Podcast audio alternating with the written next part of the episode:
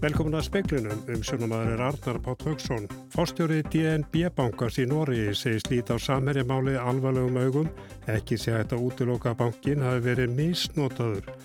Menta og menningamálar á þeirra segir að skýsta ríkisendur skoðana muni nýtast í vinnu til að tryggja rekstur rú. Ekki sé hægt að stóla á einskiptis aðgeri til að rétta fjárhægin af. Rannsóknarlaurglumadur byggðu foreldrum að fylgjast með hegðunarbreytingum hjá börnum eftir að efni sem kallast spæs fannst í rafrættum 13 og 14 ára unglinga. Atkvæðagreislu með nýjan búrisamning í mjölkurframleyslu hefur verið frestaðu viku vegna mótmæla kúabænda.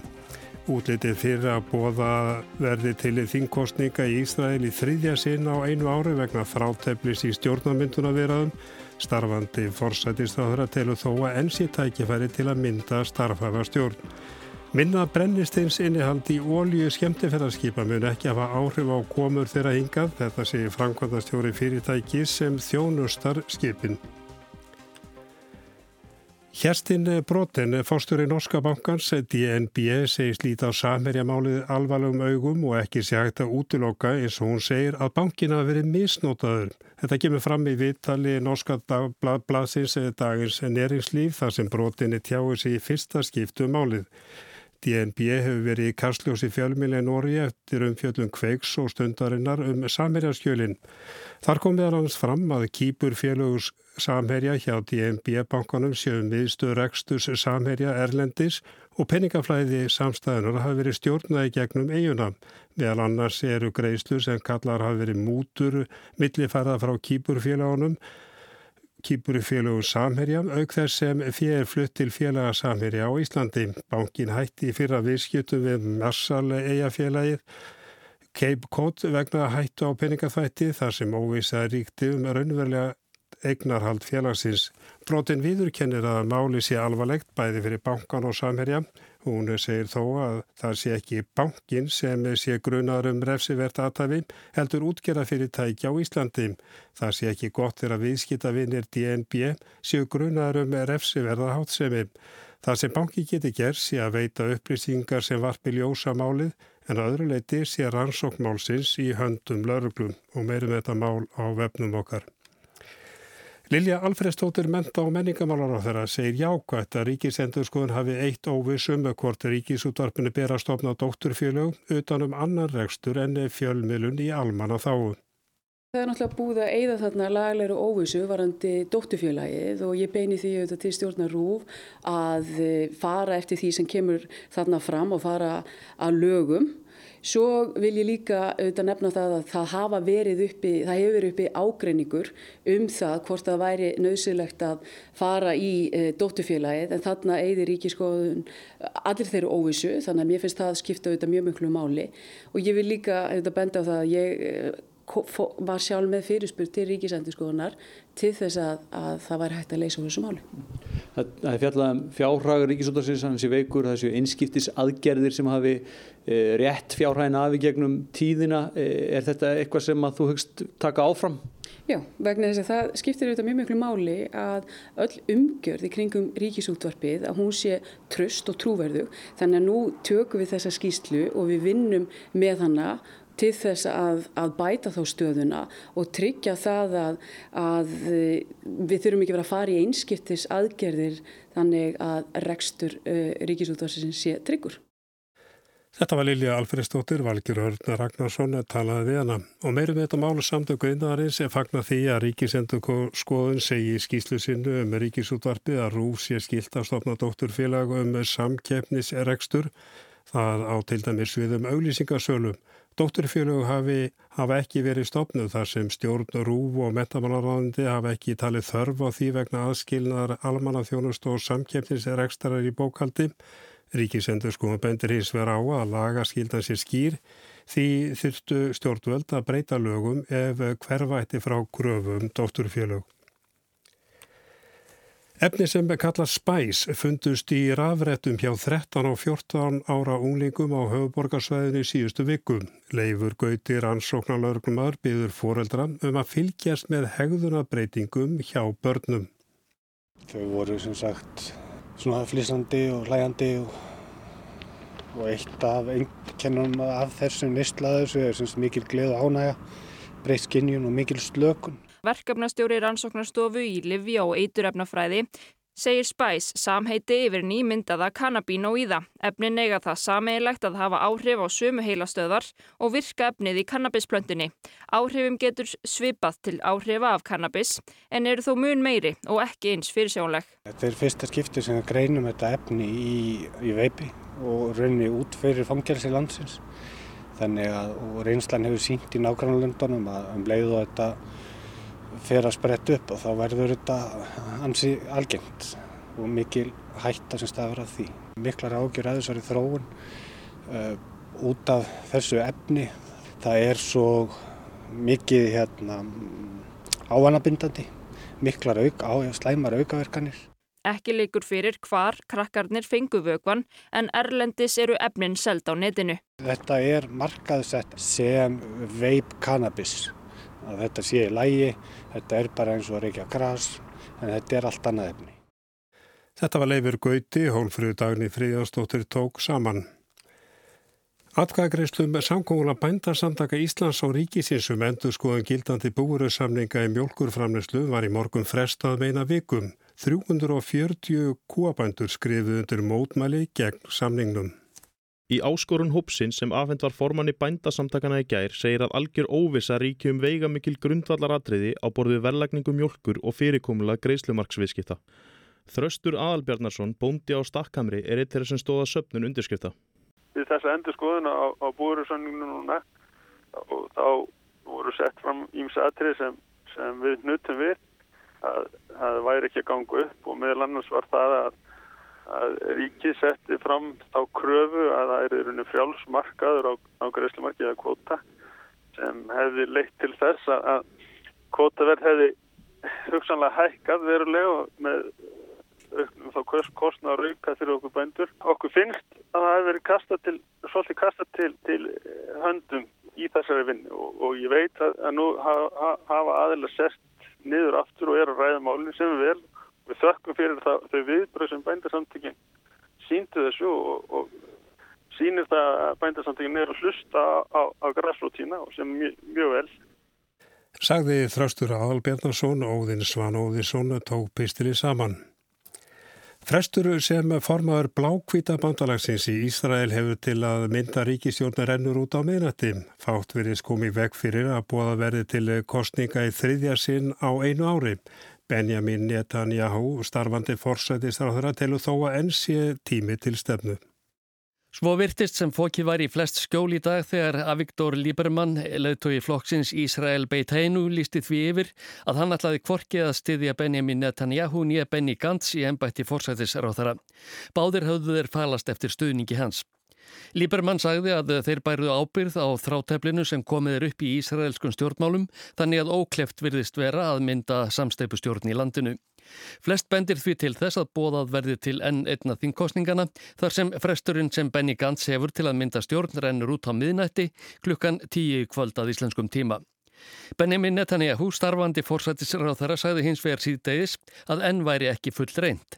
Hann skoraði á gans að láta lönd og leið skoðanir flokksmanna sem vilja ekki samstarf við hann og mynda stjórn líkút og bláhvita bandalagsins áður en fresturinn rennur út. Ísraelsmenn þyrtu ekki fleiri þingkostningar heldur trausta einingar stjórn flokkana tveggja. Samkvamt Ísraelskum fjölmiðlum hafði Benny Gantz ekki brúðist við áskorun Netanyahus undir kvöld. Áskjör Tómasson saði frá og hér var að berast frétt. Andres prins í Breitlandi tilkynnti rétt í þessu að hann muni ekki sinna ofinberu störfum á næstunni. Þetta gerir hann fjórundögum eftir útsendingu viðtals þar sem hann hugðist verja sig gegn ásökunum um kynferðisbróti tengslu við mál Jeffrey Epstein Gaggríni á prinsinn hefur magnast mjög eftir útsendingu vitalsins. Hann saðist í tilkynningu sín í dag hafa mikla samón með fornalömpum Jeffrey Epstein. Andrei saðist myndu veita til þess bærum laurugluðurvöldum fulla aðstó til að rannsóka mál ef þess gerist þörf. Lauruglan á Húsavík rannsakar nú hvað var til þessa mannlöstu veiðihús við deildar á sunnan Rauvarhafnar brann til grunna í nótt. Engin hefur verið yfirhyrðu vegna málsins en tæknin deildi lauruglustjórans á höfuborgarsvæðinu er vantalega austur í dag til að rannsaka vettvang. Sjö slökkulismenn frá slökkuliði Norðuþings börðust við eldin í um tvær klukkustundir. Óskar Óskarsson er varstjóri á Rauvarhafn. Það var mikill eldur í húsinu þegar við komum að því. Hvernig gekk að ráða niðurlegu meldsins? Það gekk alveg þokkalega, við höfum að sækja okkur vatn í á sem er þetta skamt norðanir. Myndur þú halda að þetta væri mikið tjón? Já, þetta er, þetta er bara allt tjón.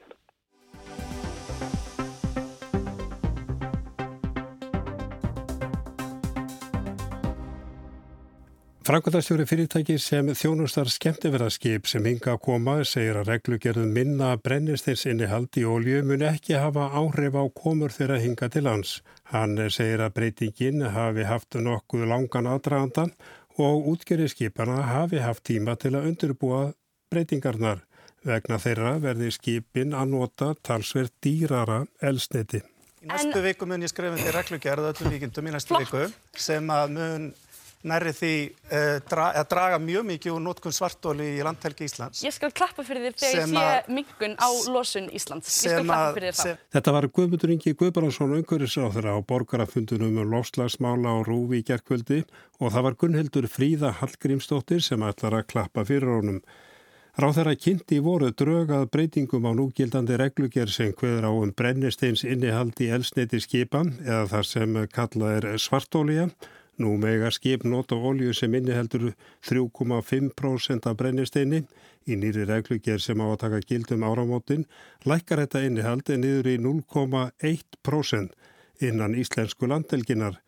Á sama tíma taka reglur gild á alþjóðavísu sem hveð áum að banna verði frá áramótum að nota olju sem inniheldur meiri 0,5% af brennisteini í efnahagslöksugunni. Þetta áviðum allan skipaflótan Kastljósni hefur verið beintað skemmtifæraskipanum sem hafa í mjög auknu mæli lagt leiði sína hingað setni ár.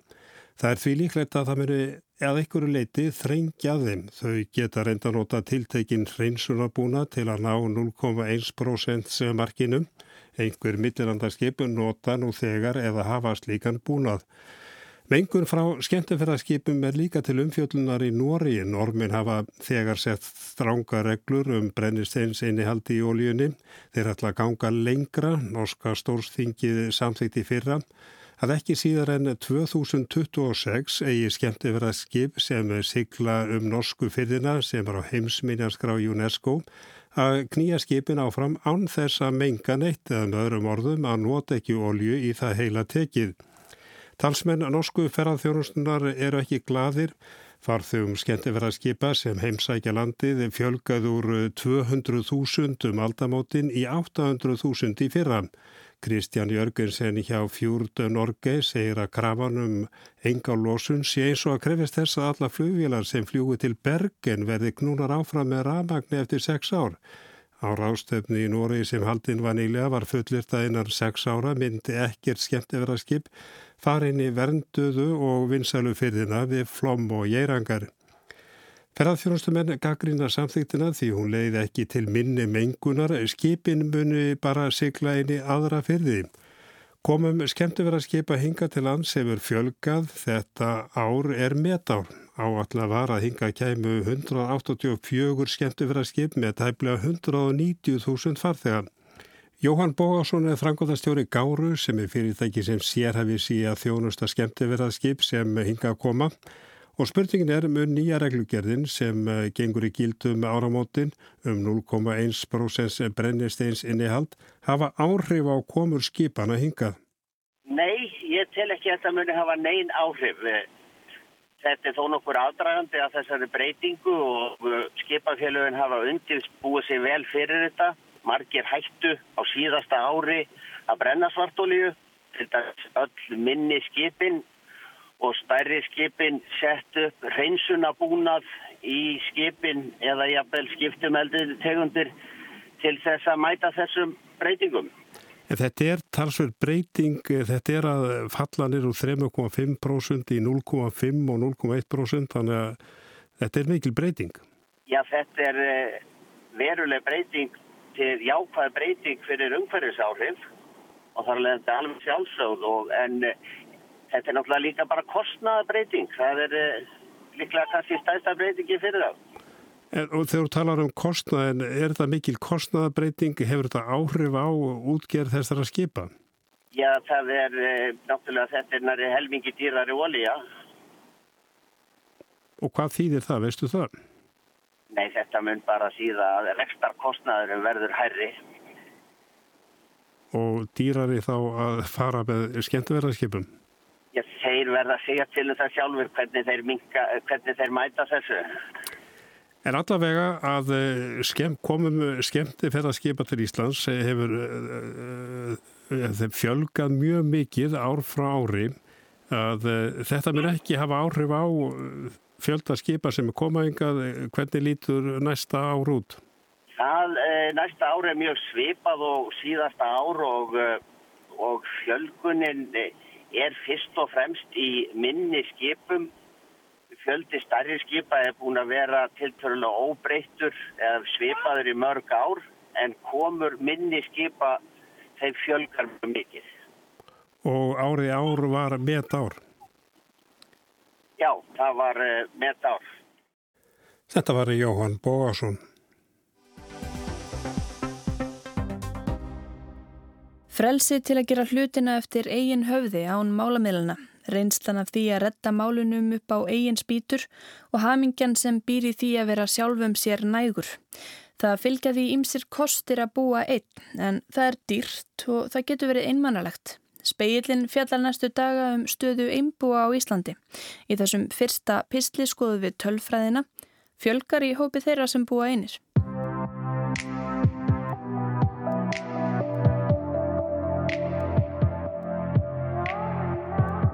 Þannig er þróunin í Danmörku, Noregi, Breitlandi, Bandaríkunum og fleiri löndum sem við berum okkur saman við, þeim fjölgar sem búa einir. Líklega heldur þessi þróun áfram því vestarinnar þjóðir er að eldast og fólk egnast færri börn en áður. Þriðjungur Dana býr einn. Í Breitlandi er hlutfallið lægra en stígandi. Árið 2002 byggu 6% breyta á aldrinum 50 til 64 einir. Árið 2017 var hlutfallið komið upp í 13%. Það er jákvægt að fólk hafi ráðaði að búa eitt og líklega hafa fordómatnir minkað. Það þykir gamaldags að tala um piparjungur eða sérvitringa. Margir hafa samt áhyggjur af þróuninni. Einmannaleiki er komin ofarlega á forgangslista líðhelsustofnana við um heim og breskar og danskar rannsóknir sína að það er ekki bara kostnaðurinn við að standa einn ströym af heimilishaldinu sem íþingir fólki sem býr eitt, það segist líka óhamingjusamara en fólk sem býr með öðrum. Og svo er það hilsan. Findu þér einhver til að búa með hvað sem þú gerir, ekki flytja einnin í tveggja herberga íbúð í blokk, ekki láta samskiptiðinn takmarkast við það að bjóða nákvörnum sem þú mætir í stegaganginum góðan daginn. Að gera það getur kostaði lífið. Svona hefst grein í danska blaðinu Bellinske. Þar kemur fram að karlmenn sem búa einir séu 36% líklegri til að deyja völdum hjartasjúkdóms. Nokkur munur var á áhættu fólks eftir stöðu, þannig voru karlkins einbúar með mikla mentun og í stjórnunastöðum ekki líklegri en aðrir til að fá hjartasjúkdóma. En hvernig er þetta hér? Hversu margir búa einir? Tölur hagstofunar sína að á síðustu áratugum hefur fjölga hratt í hópi einstaklinga sem ekki tilheyra hefðbunnum kjarnafjölskyldum. Lítur það ekki að þýða að fleiri búi einir? Já, ég heiti Ómar Harðarsson, er fagstjóri á Hagstofu Íslands. Er eitthvað sem bendir til þess að fólk í dag búi frekar eitt en áður? Að það hefur fjölga í hópi fólk sem heldur heimili eitt? Já, þær tölur sem Hagstofan hefur gefið út benda til þess. Hversu mikið hefur fjölgaðið þessum hópi? Já, frá árinu 2014 hefur fjölgaðið 20% í hópi þeirra sem ekki eru í fjölskyldu sambandi. Það er að segja eiga hvorki maka nýja börn undir 18 ára aldrei. Og hvað skýrir uh, þessar breytingar?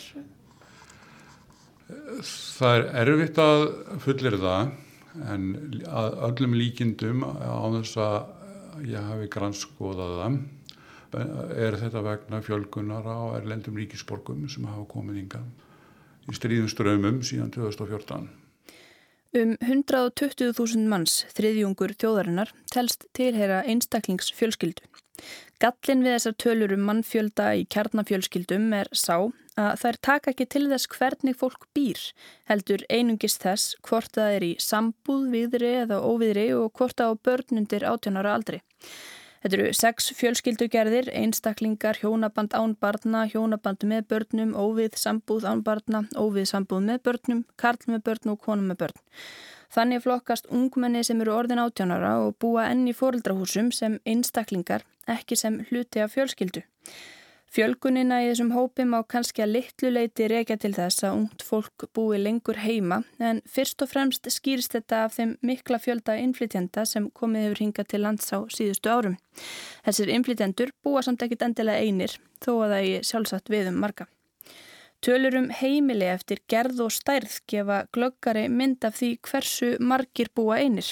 Gallin við þær er sá að þær eru orðnar 8 ára gamlar, voru teknar saman í manntalinu árið 2011. Þá taldist þriðja hvert heimili á Íslandi vera einmenningsheimili og 15% fullorins fólks bjó eitt. Ef hort er til fólks á aldrunum 30 til 70 ára var hlutfallið 24%. Næsta manntal hagstofunar kemur út árið 2021. Ómar segir breytingar á þessu sviði segfljótandi. Fjölskyldu minstrið virðist lítið hafa breyst en það hafi fækkað á fjölskylduheimilum. Við erum líka með lífskjáraransóknuna sem hefur verið gerðið reglulega síðan 2004. Ég get ekki á þessu stundu fullitt eh, hvernig, hvernig nákvæmlega það skiptir samkvæmt henni en það, spend, það, það sem ég sé virðið spenda til að ekki hafi orðið neyn grundvallarbreyting á, á, á gerð heimila á Íslandi en nema í það áttin að fólki fælka hverju heimili.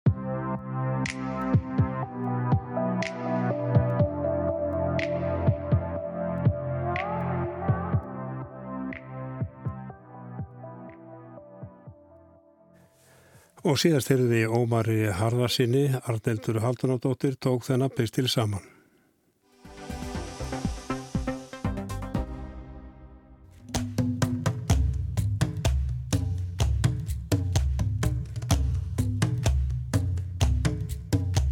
Allt er í heiminum hverfult. Það sem þykir gott og gilt í dag þykir afleitt á morgun. Þetta er gömul sag og ný. Hversu langt mega sögurítarar ganga í að dæma viðþorf og tíðaranda liðina áratöga eða alda?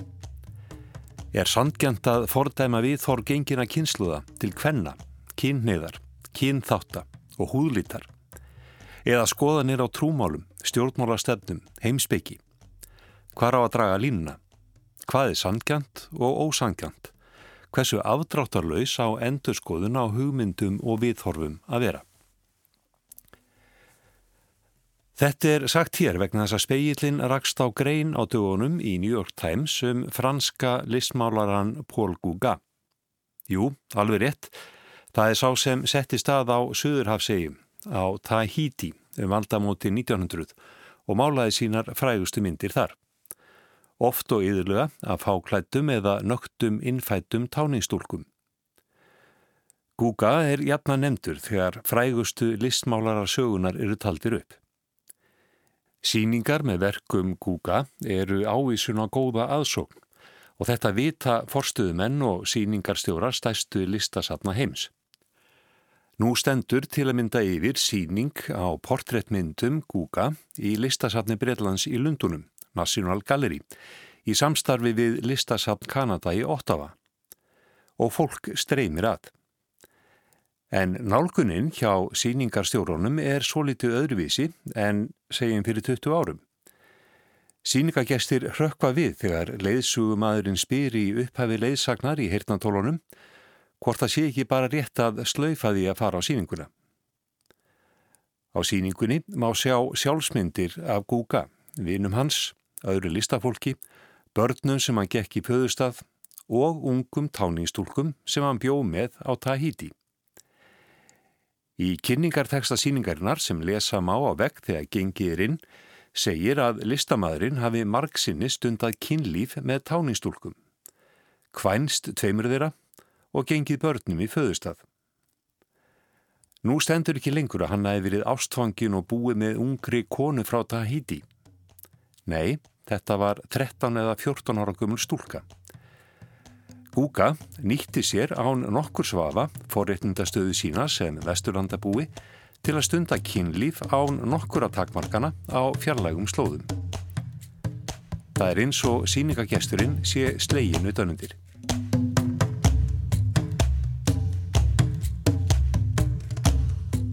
Pól Gúka fættist í París árið 1848 en ólst upp í Peru. Hann snýri heim til Parísar umlega tvítur og vann sem verbreyfamiðlari fyrstum sinn en snýri sér síðan alfarið að lismálun. Árið 1891 kom Gúka fyrst til Tahiti og hann dvaldi þar og öðrum söður hafsegjum meira og minna allt þar til hann lést árið 1903. Fræðarsól Gúga reys ekki fyrir en eftir dauða hans og þá engum fyrir myndirnar sem að málaði í söðurhöfum. Hinn síðari ár hafa listfræðingar, síningar hönnuðir og forsvarsmenn sapna, hins vegar farið að spyrja ímissa óþægilega spurninga um líf og hátterni Gúga á þessum söðuræðinu slóðum og frista þess að draga fram í dagsljósið mannin á bakvið myndirnar. Kristófer Riopel, einn síningastjóra portréttsíningarinnar í Lundunum, segir að það sé ekki lengur í bóði að segja góðlátlega. Svona var þetta bara á þessum tíma. Riopel segir að Guga hafi verið margslungin personleiki, metnaðafullur en hardbrjósta. Og því miður hafi þessi metnaður orðið til þess að hann fór mjög illa með fólk. Forstöðu konar listasaps Kanada í Óttafa Sasja Súta, segir að það hefði verið skilda síningarhaldara að fel ekki neitt. Nútíma gestir sætti sig ekki við annað. Að afhjúpa veika bletti á listamanni geri hann í raun mikilvægari. En þarna er líka vandi á höndum. Við sendi Tódóli, fyrirverandi forstöðumadur Teit Gallerisins í Lundunum, segir að það geti verið áhættu samt að setja verk liðina listamanna í samhengi við hugmyndir og sjónarhorn 2001. aldarinnar. Það getur hinnlega útilokað og komið veg fyrir að stórfengli list komið fyrir almenning sjónir.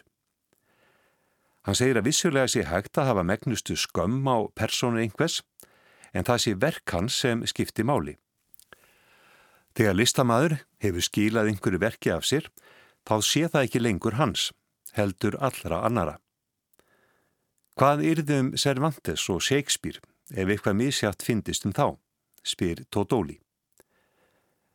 Ekki skrifa allir undir þetta sjónamið. Asli Reimer, listfræðingur á Nýja Sjálandi og umsjónarkona listvefsins girlmuseum.org segir að atferðli Pól Gúga á Tahiti hafi verið svo yfirgengilegt og viðbjóðslegt að það skikki á alla listans og hún skefur ekkert af hlutunum. Hann var hrókafullur, ofmetinn, ógeðfyldur, barnanýðingur, segir hún. Ef myndirnir hans væri ljósmyndir, þá væri þær ekki til sínis. Hún gaggrínir stanslöðsar síningar á verkum Guga út um allan heim og tiltekur einni síningar á verkum austuríska málarans Ekon Síle sem tíðum málaði naktar úlingstúlkur. Hún segist ekki vilja stinga þessum verkum undir stól en vill að síningastjórar fel ekki neitt um listamennina sjálfa. Og Líne Klausen Pedersen, danskur síningarhannur sem sett hefur upp nokkrar Guga-síningar, tekur undir þetta. Hún vill að sannleikurinn sé saður umbúðalöst, þannig varveitist arfur listamannsins best. Og það var Kristján Sigurjónsson sem að tók þennan pistil saman og við ljúkum speiklunum á tveimur fréttum sem bárust á meðan á speiklunum stóð. Andres Prins í Brellandi tilkynntu nú sítiðis að hann muni ekki sinna ofinbjörnum störfum á næstunni.